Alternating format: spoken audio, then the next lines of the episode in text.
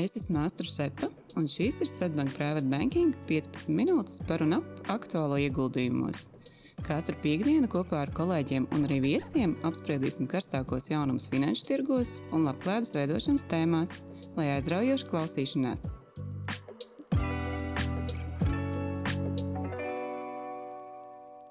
Esiet sveicināti podkāstu kārtē epizodē. Šodien studijā es Mārtiņš esmu kopā ar vecāko privātu banķieru Mairu Janētu. Čau, Maira! Čau! Un šodien mēs runāsim par augusta rezultātiem, pieskarsimies tādiem finanšu instrumentiem un ieguldījumu veidiem, kā nu, ieguldījumi Bitcoinā. Mēs parunāsim, mēs parunāsim par rezultātiem, kas ir bijis Eiropā, ASV un Ķīnā. Jāsaka, ka, protams, gads ir sācies fantastiski labi. Iepriekšējie runātāji, kas runāja par iepriekšējo mēnešu rezultātiem, droši vien vienmēr bija tādā pozitīvā noskaņojumā. Jāsaka, ka pusgads ir iesācies tiešām labi. Nasdaq kompozīta indeksā tas ir labākais sākums 40 gados. Un arī SP 500 indeksa eh, pirmais pusgads ir nu, labākais no 21. gada. Augusts gan ir atšķirīgs. Augusts sākās diezgan nepatīkami, diezgan sarkani, bet nu, beigas jau un uz augusta noslēguma mēs redzam, ka ir pavērsieni pozitīvāki. Jāpiebilst, ka ierakstāmies epizodē 31. augustā, un, nu, un diena varbūt vēl nav beigusies, un ASV tirgi vēl nav atvērušies. Nu, tur var būt nelielas korekcijas. Jā, pirms šīs epizodes noklausījos pagājušā gada augusta rezultātu epizodi. Nu, jāsaka, ka pagājušo gadu tas noskaņojums bija daudz drūmāks. Jāsaka, ka mēs esam izdzīvojuši drūmu periodu, tā teikt, pozitīvā, pozitīvā uh, virzienā. Tirgi virzās. Pagājušā gada augustā sliktākās nozars bija tehnoloģija nozare un visgrūtāk klājās polijas tirgumu. Un jāsaka, ka šobrīd ir pretēji. Jāsaka, ka tieši tehnoloģijas ar šo mākslīgā intelekta nu, modes virzienu ir uzrādījuši vislabākos rezultātus. Jāpies, jāpiemina arī, ka noteikti ir attaisnojies teiciens, ka tieši kritumos ir jāpērk, jo nu, tie, kas iegādājās iepriekšējā gadā tieši tos tehnoloģiju uzņēmumus, šobrīd ir piedzīvojuši diezgan ļoti labu pieaugumu. Nasdaq kompozīta indeks no paša gada sākuma pieaudzis par nepilniem nu, 34%, kas ir tiešām ļoti vērā ņemams eh, rezultāts.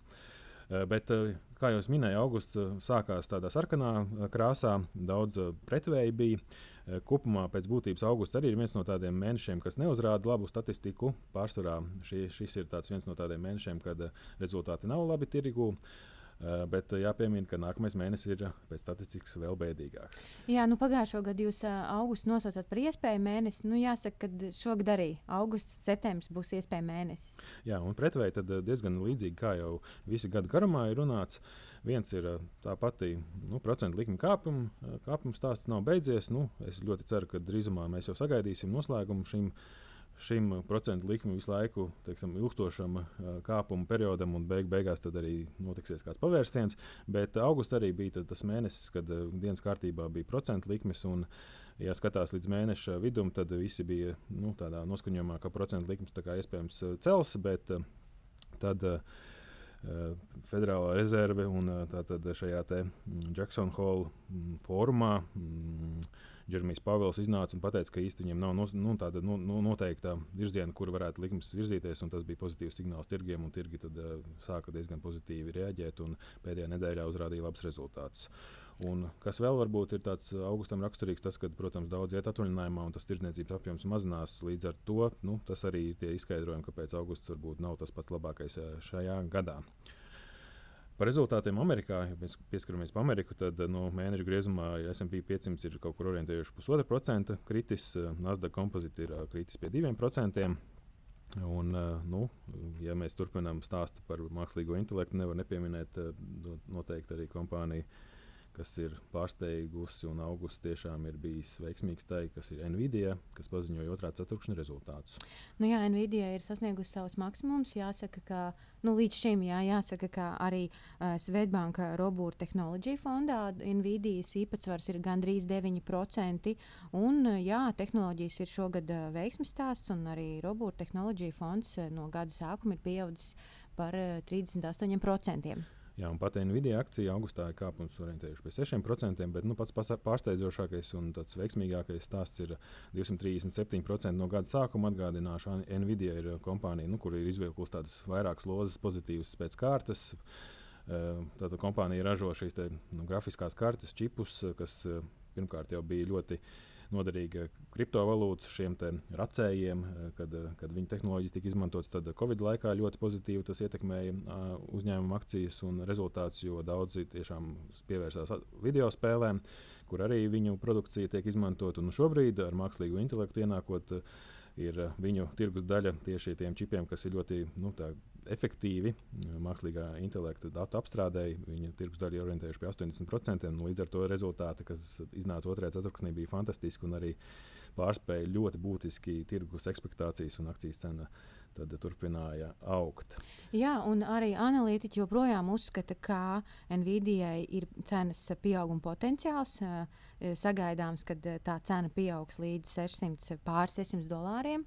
Uh, tomēr jāsaka, ka uh, Nvidia arī ir uh, risks. Jā, teiksim, viņu lielākais uh, piegādātājs, pusvadītāja piegādātājs ir Taivānas Semiconductor, šis, šī kompānija.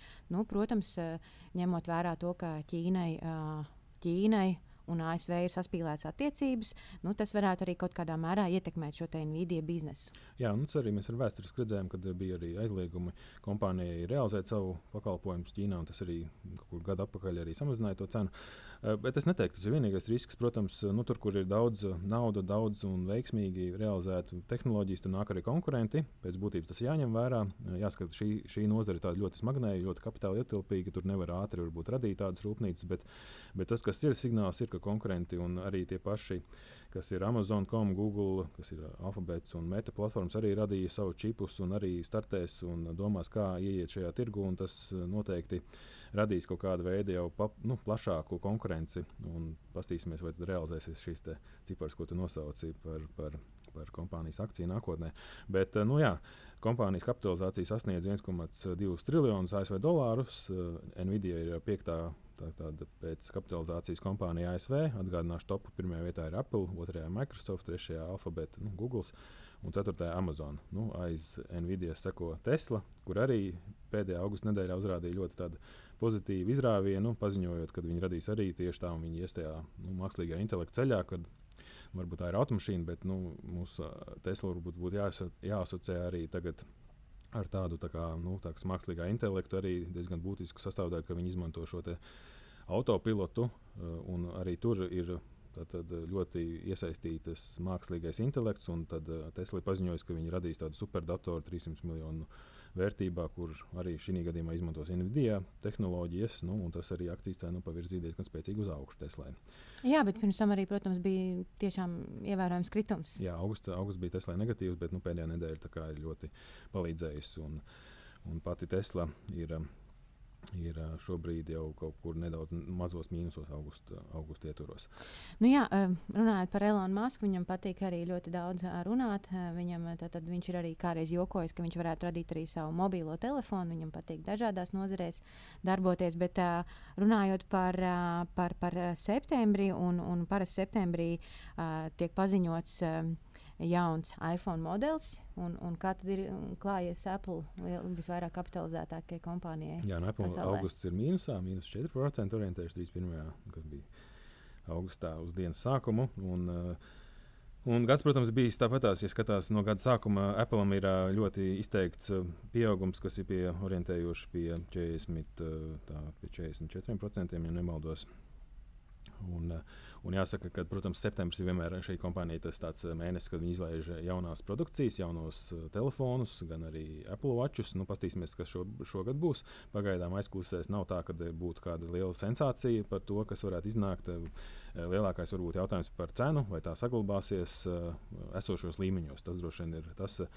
Ko mēs pievērsīsimies septembra epizodē. Noteikti tas ir šīs kompānijas viens no tādiem mēnešiem, kur kur, kur, kur ir vērts paskatīties arī šīs konferences, ko viņi prezentē. Jā, nu, Apple cenu varētu ietekmēt arī tas, ka uh, viņa lielākais um, detaļu uh, ražotājs Foxconn ir nolēmis pārcelt vai, vai, vai diversificēt savu ražotni no Ķīnas uz Indiju. Jā, un tiek uzskatīts, ka tas varētu paaugstināt Apple produktu cenu un izmaksas. Jā, nu, tad, tad arī, arī Apple ir tā kompānija, kas diversificē savus riskus prom no Ķīnas. Tad, tad daudzi rietumu investori ir novērsušies no Ķīnas. Nu, Ķīna ir lielākā, otra lielākā ekonomika pasaulē, un, un, un arī augustā ziņu virsrakstos um, bija Ķīna. Un, un arī, protams, Ķīnas un ASV attiecības. Jāsaka, ASV, um, ASV vēlas saglabāt uh, un uzturēt labas attiecības, tieši tirdzniecības attiecības ar Ķīnu, jo nu, tomēr Ķīnā tiek ražots ļoti daudz, uh, daudz te, šo te detaļu un izēvielu kuras tālāk izmanto ASV lielās kompānijas. Bet, nu, nu, pie Ķīnas pieskaroties, jāsaka, ka arī tā ekspektācijas un daudz cerēja, pēc Covid atvēršanās, tad, kad bija aizslēgti viņu rūpnīcas un ostas, tad būs tāds ļoti liels izteikts izrāviens. Nu, pašlaik Ķīnā ir diezgan problemātisks periods. Jā, pirmo reizi divu gadu laikā Ķīna ir pie, pie, piedzīvojusi deflāciju. Arī eksports ir samazinājies. Un, protams, jā, Ķīnas, kā atceramies, nedēļas sākās jau 21.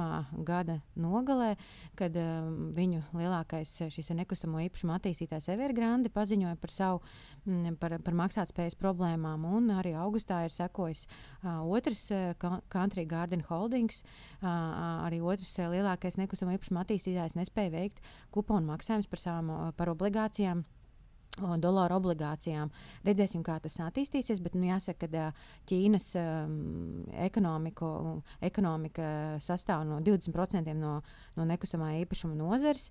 Um, vai, vai Ķīna steigsies palīgā šai nozarei, to mēs uh, redzēsim. Bet nu, jāsaka, ka uh, Ķīna šobrīd piedzīvo tādu kā teiksim, tādu rietumnieku, rietumnieku problēmas, jo, piemēram, arī jauniešu bezdarbs, kas rietumos ir izteikts Ķīnā, ir rekorda augsts. Un, un jāsaka, ka Ķīnas sabiedrība ir kļuvusi labklājīgāka un, un jaunieši iegūst izglītību, un tie nevēlas vairs strādāt šajās ražotnēs, bet nu, vēlas strādāt vairāk oficiālus darbus.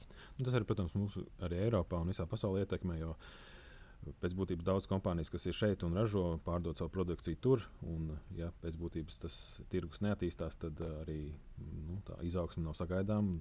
Bieži vien mēs to redzam arī akciju cenās. Eiropas kompānijās. Jā, un pievēršoties Eiropai, tad tradicionāli mēs apskatām STOX 600 indeksa vērtību, kas ir 600 lielākie Eiropas uzņēmumi. Uh, Nu, un, arī Eiropai augusts nebija pozitīvs mēnesis. Tā indeksa vērtība augustā samazinājās par aptuveni 2,5%, bet no gada sākuma ir pieaugums uh, 7%. Nu, jāsaka, ka no zemākā punkta stoks 600 vērtība, zemākais punkts bija pagājušā gada oktobra vidū. Tā vērtība pieauga par aptuveni 18%. Nu, un stoks 600 veiksmīgākie tirgi bija Polija. Polijas akciju indeksa vērtība no gada sākuma pieauga par gandrīz 20%. Un viens no vājākajiem rezultātiem bijis Lielbritānijā. Fucijas 100 indeks no gada sākuma ir samazinājies par 1%. Un runājot par konkrētām Eiropas nozarēm, tad vislabāk no gada sākuma ir klājas tieši tehnoloģija nozarei, pieaugums 20%, jo nu, redzam, ka tehnoloģijas nav tikai ASV, bet arī Eiropā ir tehnoloģiju uzņēmumi. Savukārt visvājākie rezultāti ir nekustamo īpašumu un telekomunikāciju nozarēm. Un runājot par, par, par tehnoloģijām, vēlējos pieminēt um, Eiropas uzņēmumu ASM International. Tā ir Nīderlandē bāzēta kompānija, un tā ražo specifiskas pusvadītāju detaļas. Kā zinām, pusvadītāji uh, tagad ir uh, jaunais zelts. Uh, un, uh, šis uzņēmums uh, veido aptuveni 28% no Eiropas tehnoloģiju sektora, un uh, tā akciju cena no gada sākuma ir pieaugusi vairāk par 80%. Tā tirgojas Amsterdamas biržā. Šobrīd apmēram 440 uh, eiro par akciju. Un, uh, Price to earnings bija rādītājs ir ap 35, kas varētu teikt, ka inovatīvām tehnoloģiju uzņēmumiem tas varētu nav, nav, nav tik augsts. Nu jā, salīdzinot ar Nvidia, tas, protams, nav augsts. Bet nu, te vienmēr jāatcerās, ka tas svarīgākais ir, kad uh, mums jāskatās, cik nākotnē pelnīs uzņēmums. Un, jā, un, un par Nvidia runājot, tad, protams, ir liels, liels, liels cerības, ka uh, arī arī, arī tās peļņas uh, ies līdzi un pēc būtības būs pietiekami saprātīgi. Jā, vēlējos arī pieminēt uh, healthcare nozari, uh, kas uh, varbūt šogad nav uzrādījusi pārāk labus rezultātus. Uh, savukārt uh, viens no labākajiem rezultātiem tieši healthcare nozarē bija Dānijas uzņēmuma Novo Nordisk. Uh, kas ražo šos diabēta uh, medikamentus. Uh, Tā vērtība bija auga augustā par 17%, un no gada sākuma aptuveni par 36%. Jāpiemina, ka Svetbānka Robūra Healthcare fondā Novo Nordisk sastāv apmēram 5%.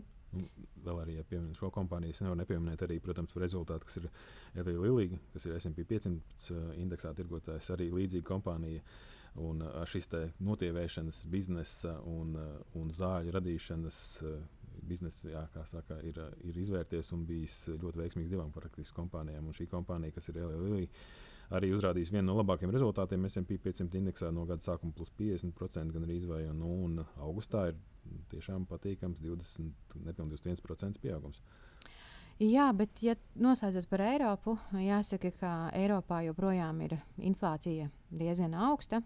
Tā ir ap virs 5% gada inflācija, kas nozīmē to, ka tas ir diezgan tālu no, no, no ECB mērķa 2%. Un visticamāk, nu, redzēsim, bet visticamāk, ECB palielinās likmi un tirgus kopumā sagaida, ka likmju augstākais punkts būs tieši gada nogalē. Nu, un augusts izteikti bija svārstīgs bitkoinam. Manuprāt, mums nevaram nepieskarties. Gan bitkoins nokritās diezgan spēcīgi, balstoties uz to, ka nu, izrādās ziņas, ka uh, Elon Musk SpaceX ir uh, realizējis savas pozīcijas un pēc būtības radīja bažas šajā investoru. Uh, investoru acīs un atbilstoši cena augusta mēnesī kritās, bet tajā pašā laikā bija arī patīkami notikumi, kas pēdējā nedēļā Bitcoinā cenu ļāva audzēt. Jā, būtiski. es pieminēšu, ka šobrīd uh, Bitcoin tirgojas ap 27,000 dolāru. Uh, un uh, teiksim, augstākais punkts bija 68,000 dolāri par vienu bitkoinu. Tas bija Bet 21. Tas, gadā. Jā. jā, tas bija 21. gadā. Nu, šis gads, protams, bija diezgan uh, grūts tieši, uh, tieši kriptovalūtām, jo bija dažādas nedēļas ap FTX uh, un, un, un, uh, un šo, te, šo te skandālu, ko mēs esam piemirsuši. Bet tā, jāsaka, ka tieši jūnija sākumā bitkoina vērtība atkal atguvās, jo tirgu parādījās ziņas par. Par to, ka lielie šie te, uh, fondu pārvaldnieki, tādi kā BlackRock, Fidelity, vēlas izveidot uh, uz uh, Bitcoin bāzētu, balstītu šo biežā tirgoto fondu. Jā, un pēc būtības tas. Uh, tas, kas varbūt pēdējā nedēļā notikās, bija, kad ASV no, nu, bija tiesas sēde, kur kompānija bija Greizskēla strīdējās par to, vai varētu realizēt šādu ideju.